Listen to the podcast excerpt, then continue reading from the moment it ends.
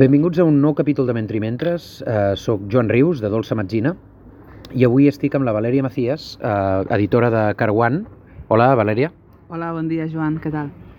Um, avui parlarem d'un projecte editorial al qual uh, ens, ens il·lusiona molt als companys de Mentre i Mentres perquè tenen una proposta molt, molt variada i molt interessant i que s'està fent el seu lloc en el panorama literari català i, de fet, eh, començarem preguntant a la Valèria què és això d'Edicions Carwan, com comença el projecte i com es planteja la seva tasca editorial. Sí, doncs, eh, Carwan, iniciem el projecte el 2018, finals del 17, eh, i l'origen d'aquesta... És a dir, la idea del, del projecte és, era d'entrada eh, compartir una sèrie de, d'obres i de lectures que el, el coeditor de Caruana i jo eh, teníem, que havíem fet, eh, bàsicament en, en àrab eh, i en altres, en, en curt i en, en altres llengües, i que pensàvem que en, en català eh, difícil, és a dir, no es, no es trobaven en català i que difícilment eh, trobarien una, un camí, no? un, una, una editorial que, que aquí els, els publiqués. Llavors, eh, era una, de forma força innocent, no? ara que, que hi penso, eh, pensàvem, doncs, tenim ganes de compartir aquestes obres eh, amb els lectors, amb, amb els amics d'entrada pensàvem i doncs, amb els lectors. No? Llavors, són tot d'obres, eh, comencem amb algunes obres de d'aquella banda de món, d'Orient Mitjà, eh, per dir-ho, per delimitar-ho d'alguna manera, però, però clar, al cap i a la fi nosaltres som lectors, no? com, doncs, com tots els apassionats per la literatura, eh, tenim doncs, gustos eclèctics i, i no ens tanquem, a, no, no ens limitem a, a, a voler publicar literatura d'aquella banda de món, sinó que també si hi ha alguna altra obra d'on sigui, fins i tot si és en, en, escrit en català o en castellà que ens agrada, doncs eh, nosaltres eh, estem disposats a publicar-les. No? Certament, eh, un títol dels que parlarem més endavant, que és el de, el de Gaito Gazdanov, bueno, en teniu diversos publicats de la, de la seva obra, que és un autor rus, i per tant eh, aquí hi ha una, una diversitat que va més enllà de l'Orient Mitjà, com deies, i, i, i ara en parlarem més endavant, però a mi m'agradaria començar poder amb l'autor que... bueno, poder no, és l'autor que comença el catàleg, que és Salim Barakat, i a més a més és un autor que, que ara últimament ha sonat per arrel de les votacions del Premi Nobel, perquè era un dels candidats a guanyar-lo, i, i vosaltres vau començar el vostre catàleg, de fet, amb, amb edició catalana i castellana, de les coves de, a veure si ho, ho pronunciaré bé, de les coves de Haidra Jodajos, no? Perfecte. Sí, Salim Barakat eh, és un dels nostres... Eh, bueno, un, un, un autor que ens, realment que ens fascina, eh, té una obra molt extensa i nosaltres somiem no, algun dia a, publicar-ne, no, no sé si tota però molta. Eh, llavors, eh, és un autor que, que ve de la mateix, del, mate, del, del mateix origen que, que, el, que el coeditor de, de Caruan, en Camiran, que és el del Kurdistan de, de Síria. Eh, per tant, té, té, un, té un imaginari que, tot i, tot i que ell, de fet, viu a l'exili des de fa molts anys a Suècia, eh, manté aquest l'imaginari del, del, del Kurdistan i d'aquella banda de món, però no només. De fet, eh, és, és, jo penso que és interessant justament perquè, perquè no, no es limita a, a, a continuar reproduint sempre el mateix tipus de, d'obres, sinó que amb cada obra, amb cada novel·la o amb cada mm, volum de poesia que publica, i de fet en publica mm, gairebé un cada any, és, és molt prolífic i bueno, es, es, està, es dedica a escriure, vull dir, té, té aquesta sort, si, si, si podem dir d'aquesta manera. Eh, eh, en cada obra que presenta eh, ens, eh, ens sorprèn amb un, amb un univers i, un, i una creació totalment diferent de l'anterior. No? Llavors, eh, és, és bastant inclassificable, realment. De fet, amb aquesta obra, amb, amb les coves de Heider Hodahos, sense adonar-nos en estàvem fent una declaració d'intencions eh, del que seria el catàleg de Caruan. Mm, per què ho dic? Perquè, de fet, l'obra no té cap element que et pugui mm, fer veure l'origen o, o la formació o, o, els, sí, o, o, o el bagatge de, de l'autor, no? de Salim Barakat en aquest cas. Eh, perquè estem parlant d'una obra eh, mitològica que té més ressons de literatura grecollatina que no pas de, de, de res curt o, o, o, del, o de l'entorn de, del món àrab. No? Llavors, eh, a nosaltres ens, ens fascina justament aquesta capacitat que té d'escriure en, en àrab, en aquest cas ell escriu en àrab, eh, i, i, i, i reproduir i crear eh, universos tan diversos i tan, tan rics i tan inesperats. No? Ens sorprèn amb aquesta obra amb, amb tot de personatges que són centaures. De fet, hi ha una sola figura humana que és, que és una, una mena de... Ni, ni, ni, tan sols, no? ni tan sols apareix com, com a tal, sinó que és, és una mena de miratge que, que està allà i que, i que, que pressiona bastant els, els, els personatges dels centaures, però que tu ja des de la primera pàgina no? t'emergeixes en aquest univers de, de centaures que viuen en coves però que tenen tot de coses que, que són d'allò més normal, vull dir, també mengen, també tenen taules, tenen una biblioteca i tenen bueno, els, seus, els seus rituals i les seves, les, els, els seus costums, no? Eh, però parlen doncs, com nosaltres, evidentment, i, i, i, i hi ha les, hi ha les, les eh, totes les intrigues i els, i els, no, els, els eh, amors i desamors i, i, i, i tota mena d'això, d'intrigues que, que, es, que es van entrellaçant i que el fan realment una obra molt especial, no? Està molt bé això que comentaves ara, eh, el fet de que eh, publiqueu eh, majoritàriament autors de l'Orient Mitjà, però que hi ha com aquesta voluntat de dir, ei, eh, nosaltres posem en dubte aquesta visió com de la literatura exòtica, no? Hi ha una literatura, diguem-ne, que, es, que seria la central, no? I llavors hi hauria l'occidental, evidentment, eh, anglosaxona mm, europea, per dir-ho així, llavors hi ha la literatura exòtica, no? En realitat, el que hi ha és bona literatura esparcida per tot arreu i en realitat el, el, entenc jo que la proposta va una mica en el sentit de l'autor no, és, eh, no és tant el món del qual sorgeix, sinó el món que ell mateix crea amb, amb el lloc i el, la cultura i l'ambient del qual ha sorgit, no? perquè precisament Salim Barakat n'heu publicat una novel·la, per exemple, Els savis de la foscor, que ja no, no trenca una mica també amb el... O sigui, ell mateix és divers en si, en si mateix, és, és tot un món d'autor, perquè és una obra que s'allunya una mica no? d'aquesta visió fantàstica, mítica, que parlaves de les coves, no? Sí, de fet, eh, Els savis de la foscor, que és la segona novel·la d'ell que publiquem, eh, és la, la seva primera novel·la, com a tal.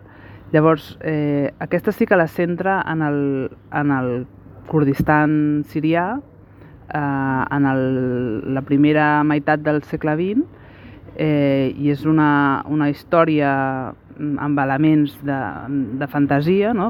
fantàstics, dins d'un argument que, que és totalment doncs, costumista i, i, i de novel·la doncs, tradicional, com si diguéssim. No?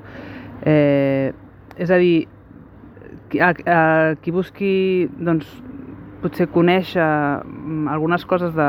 perquè hi ha també molts fragments d'història i, i, i et fas una bona idea de, de, com, de, de com vivien en aquella època doncs, al Kurdistan. És a dir, qui, qui busqui doncs, conèixer més la història dels kurds, de la seva relació amb els àrabs, de, de, del fet que, tant, que, que els marca tant de, de, de, de viure en, en, en una frontera, no? la frontera de, amb Turquia, eh, d'aquesta pressió constant i aquest, aquesta intimidació constant de, de l'exèrcit turc a, a la població kurda i d'aquesta enemistat eh, ja de, que ve de segles, eh, doncs, doncs en, aquest, en aquesta obra realment ho trobarà. Ara, trobarà moltes altres coses, és a dir, eh, és una obra mm, plena de símbols que a més té una... podríem dir que té, té uns quants nivells de, de lectura, tot i que el, el nivell, si, si, si volem dir-li superficial o, de, o més anecdòtic, és, és ja prou interessant i, i realment molt, i molt, molt clar i molt entenedor. Però eh, realment la, la novel·la és, és, força, és molt rica i convida a, a la relectura, no? perquè tens aquesta sensació que, que hi, ha, hi ha tot d'elements no? que, que són recurrents al llarg de la novel·la que, que segurament tenen un, una significació que va més enllà del, del que, del que és, de, de les aparences. No?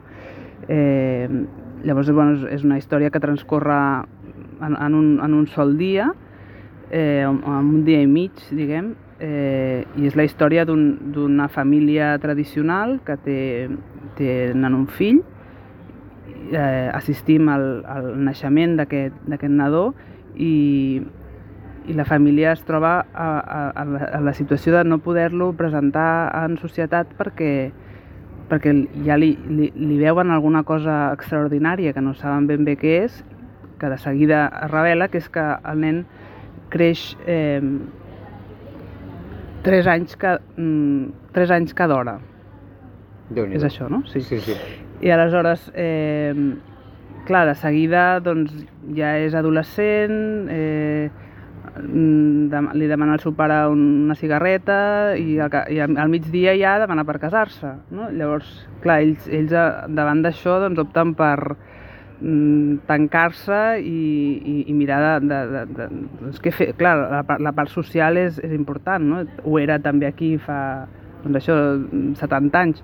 Eh, llavors, eh, doncs, com, com gestionen no, la, aquesta, doncs, aquesta anomalia que no, que no s'esperaven, eh, i, i, i, què, i què acaba sent aquest, aquest nen que, que, que creix i es converteix en, en vell no? al, final de la novel·la, eh, bueno, al, al, mitjà, al, al mig de la novel·la, i, i què simbolitza realment aquest, aquest Becàs, que és el seu nom.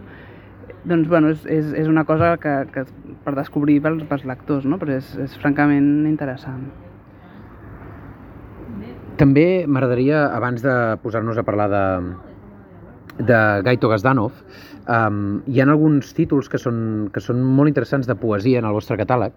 Uh, penso, per exemple, en l'elogi de l'error d'Imat Abu Saleh, si no, si no ho pronuncio malament, um, o, per exemple, un, un títol del, del qual m'agradaria parlar, que és el suïcidi al cant, poesia popular de les dones paixtus de l'Afganistan.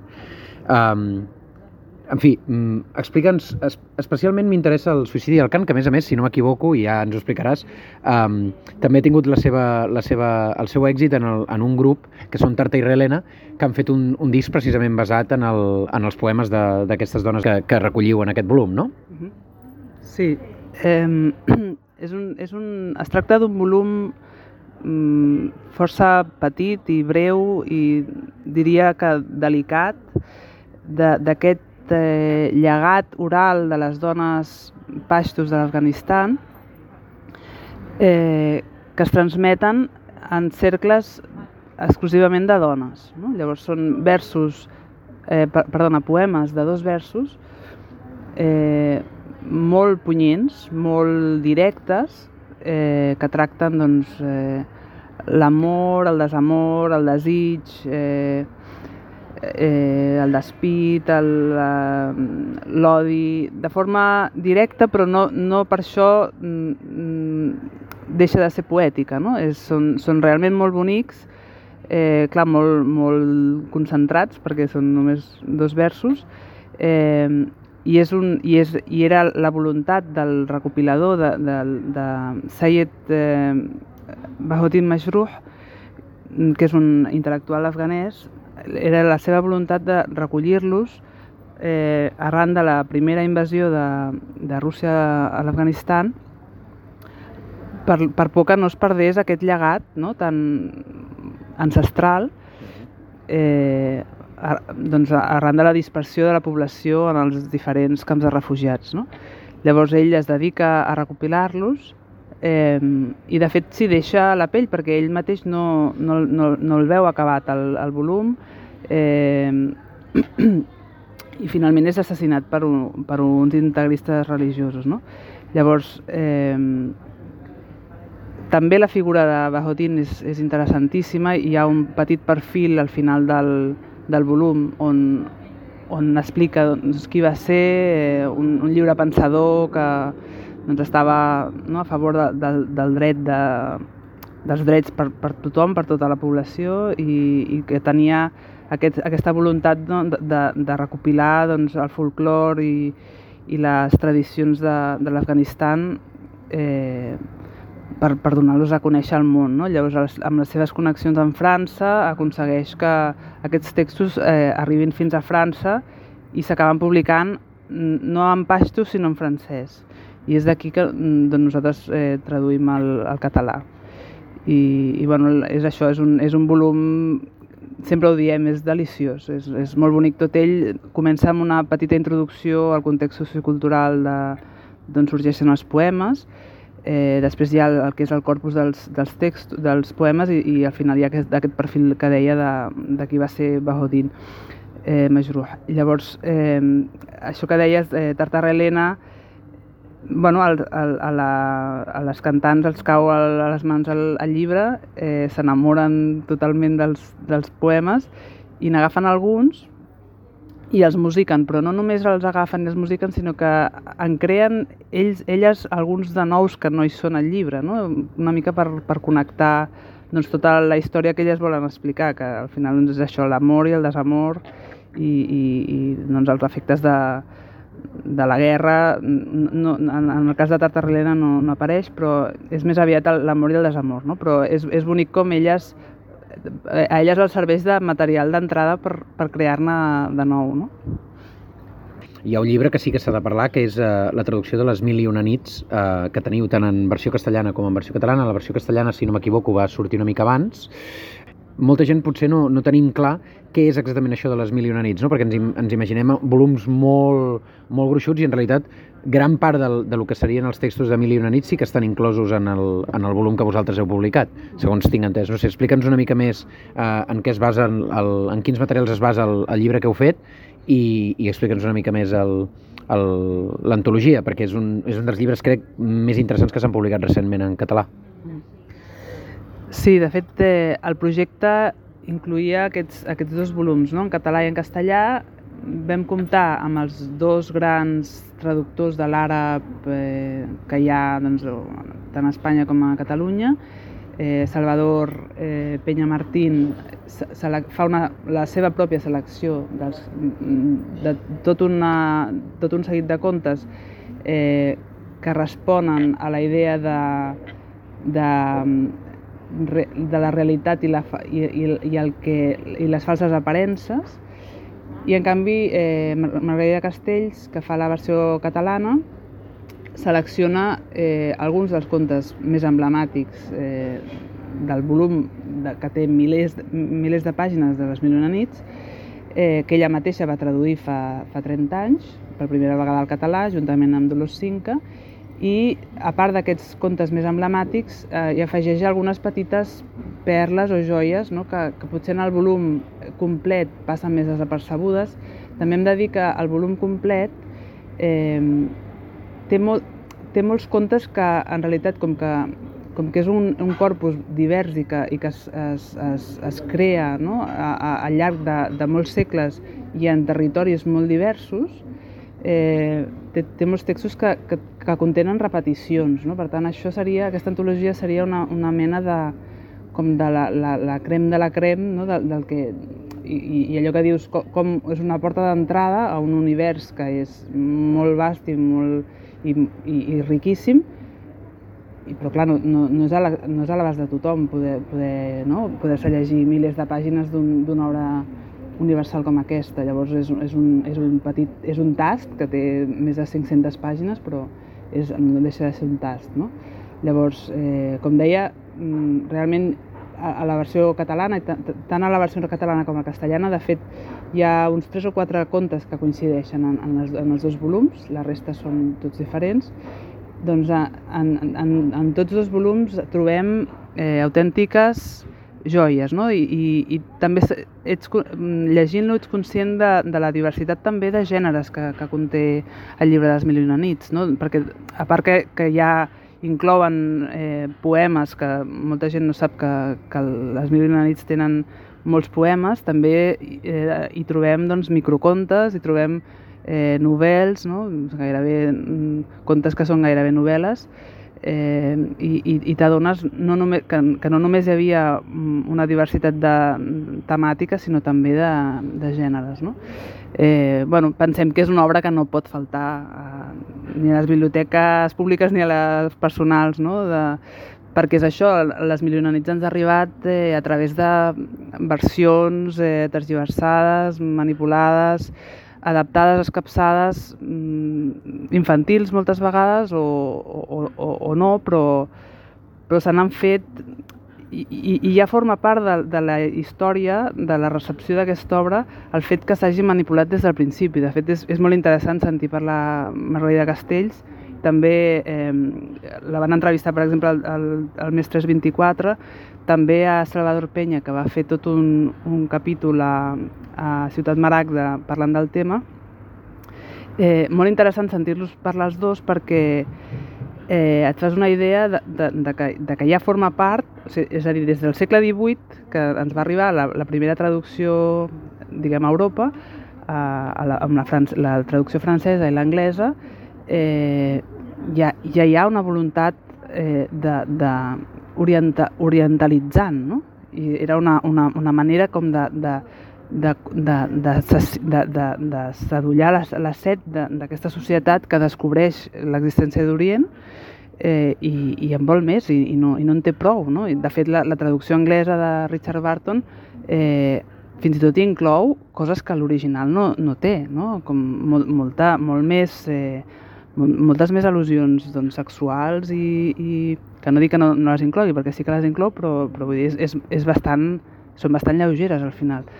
Hi ha alguna excepció, però vull dir, ell, ell li va posar molta més salsa de la que... Sí, exacte. I, però hi ha, hi ha una, una cosa curiosa, per exemple, en el volum català, que és que mereix, que, que val la pena mm, recalcar, que és que en aquest intent de, de, del traductor francès de, doncs això, de, de, de, de, de contentar la societat francesa de l'època, que, li que de fet els editors li demanaven que, que en traduís més i, que, i ell es, es queda sense material al final, eh, aprofita la, el viatge d'un contacontes que ve d'Alep, que acompanya un, un, un noble francès i eh, li, li, li fa, fa que li expliqui més, més contes i els, i els redacta ell. No? Llavors, eh, per exemple, el conte de Alibaba i els 40 lladres no forma part del, del, del corpus eh, original de, de les milionets, que això també és, és un tema molt extens, però mm -hmm. perquè el corpus també es va, com deies, va forjant al, al llarg dels segles i, i al final és una decisió no? Vull dir que, vull dir que, que el, el, el volum tal com el coneixem ara, de milers de pàgines, és, és resultat d'una doncs decisió, no?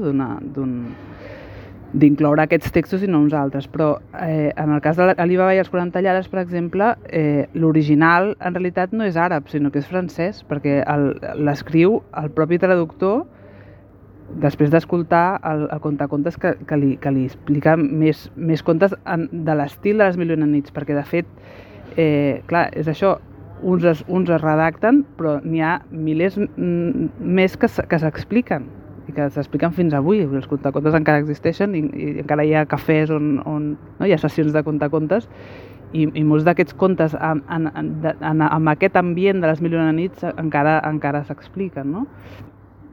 El que és interessant és que el, el, molts dels contes que, que ens trobem avui dia el, el, en el corpus de les milions de nits eh, són eh, és a dir, a, a l'època, en, en tots aquests territoris on sorgeixen, hi ha novel·les i, i altres contes que s'escriuen que, no, que finalment no s'inclouen en, en el corpus de les Milionanits però que, que també existeixen. De fet, eh, la pròpia de Margarida Castell passa dos anys a, a París, cada, per, per estudiar els manuscrits mm, al voltant de les Milionanits de l'època. No?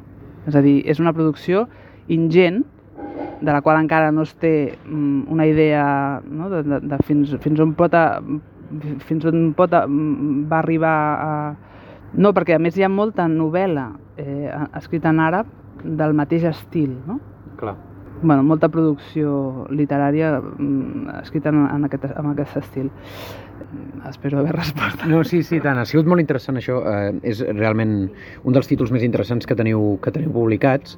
Ara m'agradaria passar, abans de parlar de les, dels projectes que teniu en preparació, una mica de Gaito Gazdanov i jo crec que és obligatori perquè un dels llibres que més èxit ha tingut del vostre catàleg, si no m'equivoco, és l'espectre d'Alexander Wolf, que és... Eh, Gaito Gazdanov era un, és un escriptor no gaire conegut en el, en el panorama català, almenys fins que vosaltres el veu publicar i que ha tingut el seu èxit perquè és, és llegidor i, de fet, l'espectre d'Alexander Wolf és gairebé, ho comentàvem abans, és gairebé un, un thriller, diguem-ne, no? centroeuropeu. Llavors és, és un autor del que sí que m'agradaria que ens parlessis i, a més, heu publicat diverses coses seves, no només aquesta novel·la, sinó una altra que es diu Despertar, i després parlarem dels projectes que també inclouen més de Gaito Gazdanov. Sí, Gazdanov, eh, com deies, és, és mm, força desconegut, penso que per les seves circumstàncies vitals, no? perquè pel fet d'haver doncs, viscut bona part de la, de la seva vida a l'exili i d'haver mantingut la llengua russa com a llengua d'escriptura i no haver adoptat la llengua del, del país d'acollida com van fer mm, altres eh, escriptors que sí que van, van tenir molt d'èxit a l'època. Ell, ell, de fet, també en va tenir d'èxit a l'època i ja es, va ja es van traduir les novel·les eh, que va treure en el seu moment. De fet, ja, ja es va traduir al castellà, per exemple, eh, algunes de les novel·les que, com, com per exemple Una noche con Claire, que, que és la que publicarem eh, aviat nosaltres en, en català, Una nit amb la Claire, i, i d'altres, i l'espectre d'Alexander Wolf que deies també es va traduir en el moment, però bé, per, la, per les circumstàncies no, de, de, de la història, de, dels fets, eh, doncs de, de, de l'evolució de, de la història de, de l'URSS, doncs fins que no es va dissoldre l'URSS, no es va eh, tornar a, a, a, a posar atenció o el, o el focus en, en, en la seva obra. No? I de fet ara sí que s'ha convertit a, a Rússia en un autor de culte, però va passar molt de temps doncs, a, va, va quedar a l'ombra. Eh, llavors, eh, a nosaltres ens, ens agrada molt la seva prosa, ens, ens sembla realment fascinant aquesta forma que té de, de sempre fragmentària, no? de, de, de, de fer evolucionar les novel·les amb aquest pes de la memòria i aquest, en, el cas del, de l'espectre d'Alexander Wolf és, és, és evident també no? aquest, aquest aquest record que, que persisteix en la memòria i que, i que no, no, no el deixa, de fet, avançar, no? que, el, que, el, que el tortura que el, i que el condiciona, no? i que fins que no soluciona aquest, aquest fet, doncs, diguem que no, no, no, no, no viu tranquil. I és un... En el cas de... Sempre hi ha, en, en Despertar i en, i en l'aspecte d'Alexander Wolf, hi ha aquest, aquest enigma no? que, que no es resol fins al final, que de fet és una, és una és anecdòtic perquè el que realment interessa és com fa anar la novel·la fins a arribar a, a resoldre aquest enigma. Tot el que, tots els, sobretot hi ha molta reflexió existencial no? en, en, en totes dues novel·les i això, el, el, el, els personatges es van configurant a, a mida que ell que el personatge principal o els personatges principals eh, recorden. No, no, no, no, no acostuma a aturar-se per descriure a ningú, sinó que tu, eh, el lector es forma una idea de, dels personatges gràcies a aquesta, eh, aquests fragments que, que es van interposant amb el present narratiu i, i, i, i amb, els, amb els elements que, que, va, que, va deixar, que va desgranant l'autor no? sobre cada personatge. És, és realment molt, molt interessant i, i, i val la pena descobrir-lo. No? De fet, amb, amb l'espectre L'espectre d'Alexander Wolf va, va ser la primera novel·la d'ell que es va traduir al català. I, i sí, com deies, mm, està agradant a, a lectors molt diversos, no? perquè pel, pel, pel fet que, que té aquest element una mica de misteri, de, de, de novel·la policíaca, i perquè realment la prosa és, està molt ben escrita, no? és, és, un, és un gran narrador. I um, finalment arribem a, a, a comentar l'última obra que heu publicat, que és El vent se m'endurà, que a mi em va sorprendre molt perquè jo no sabia que Abbas Kiarostami, que és més conegut per, per les seves pel·lícules, també era poeta. Explica'ns una mica um, com va sorgir això de publicar Kiarostami i com va, això de, com va ser això de descobrir-lo com, a, com a poeta. Va ser el Xavier Valls, el, el traductor que us en va parlar, o vosaltres li vau proposar amb ell, o com va, com va anar tot plegat? Sí, eh, de fet aquest projecte, el projecte de publicar els poemes de Kiarostami, eh, era, és, és anterior a, Uh, és, és a dir, és, és, un dels, és una de les...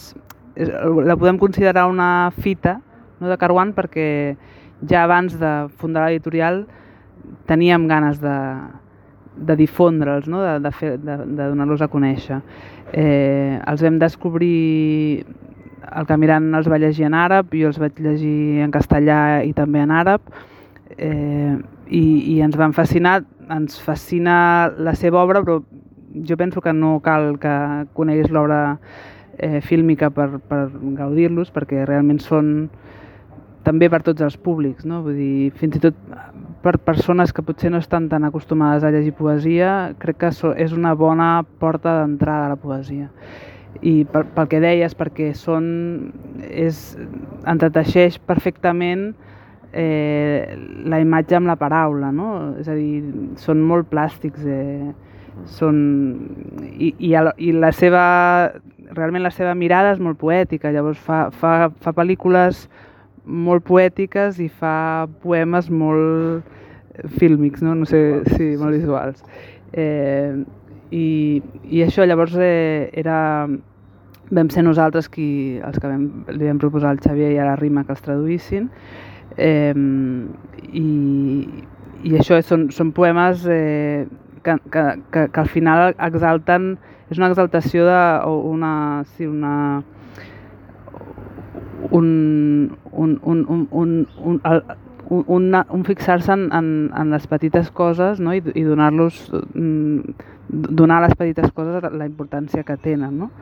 eh, i no sé, és, és realment molt bonic eh, i de fet ell, clar, és la faceta de Kiarostami potser menys coneguda, tot i que els seus poemes, els, aquests tres poemes que, dels quals nosaltres eh, extraiem aquests, aquesta antologia, els seus, els, aquests llibres han estat molt traduïts, vull dir que eh, es troben en, en, traduïts a, a, a les llengües principals d'Europa de, o de, del món, no? Eh, però clar, és una faceta molt més íntima, llavors ha, ha passat més desapercebuda també perquè com a, com a director de cinema és que va guanyar tots els premis que existeixen gairebé. Vull dir, és que clar, va, va, ser, va tenir una carrera fulgurant realment com a cineasta. Llavors aquesta, ell, ell, explica, ell explica, explicava que, que sempre va, el va acompanyar la poesia, de fet el seu pare eh, ni, ni recitava de poemes, i, i, ell, i ell deia, ell, ell, va, ell no sabia que el seu pare en realitat no li, no li recitava poemes propis, sinó que li recitava els poemes clàssics de la poesia persa, no? ho va descobrir més endavant, eh, però que sempre, sempre, va estar, sempre va estar allà la poesia. No? Llavors només va escriure tres, tres llibres eh, i són doncs, clar, molt, molt essencials, molt... Mm, sí, pel, pel que dèiem, no? de, de, pel tipus de poema que, que ja busca la, com la concisió total eh, i és com una és com una sí, com una no sé, com un resum no? com una eh, la destil·lació no? de, sí, de la síntesi del seu, de la seva mirada no? penso que és, és això, una bona entrada a la, a la poesia per, Voldria demanar disculpes perquè la uh, Rima Sher Mohammadi també és traductora de, del Ben Samandurà de, d'Abbas Kiarostami, només he mencionat el Xavier Valls i em, em sap greu, parlant de memòria no, no he recordat el, que era una traducció conjunta i, i per tant volia reivindicar també el nom dels, dels dos traductors que hi participen. Molt interessant això que, que ens has explicat d'Abbas Kiarostami i jo crec que hem arribat al punt en el qual hauríem de parlar de projectes, no? de les coses que, teniu, que teniu a l'horitzó Uh, si no tinc mal entès, en teniu com a mínim dues de les quals us agradaria parlar, però això ja és cosa vostra. Digue'ns què tens preparat, què teniu preparat els, els editors de Caruan per, per als propers mesos. Sí, us podríem parlar de dues, dos projectes. D'una banda, eh, la que va ser la primera novel·la de, de Gaito Gazdanov, que és Una nit amb la Claire. Eh, més Gazdanov, doncs, eh, nosaltres, ja, i com deia abans, eh, ens fascina aquest autor i, i tant de bo el poguéssim publicar tot. Eh, I d'altra banda tenim eh, Guineus que menen al vent, que so, és una antologia de poemes de Salim Barakat. Eh, és una obra mm, difícil de... No, no, difícil no m'agrada. És una obra eh, complexa, però realment fascinant, perquè la, la seva poesia doncs, eh, abarca temes i, i estils molt diferents. També estem parlant de que, clar, estem mirant de fer una antologia que no... Simplement ens guiem pel, pel nostre propi gust, però, però que estem parlant d'un poeta que va començar als anys eh, 80 i encara ara escriu poesia, vull dir que clar, ha evolucionat moltíssim i, i en aquest sentit és, és, és complex preparar-la, preparar aquesta antologia, però estem molt contents perquè serà la tercera antologia que es publica de la seva obra poètica al món. La primera va ser en francès, la segona en anglès i aquesta serà la tercera. Eh, I bueno, tot el que sigui difondre la, la seva obra val, val molt la pena, vull dir, és, és, és motiu d'alegria. Més motiu d'alegria seria que li donessin el Nobel a un escriptor que no escriu en anglès o, o en francès o en alguna de les llengües així com més majoritàries.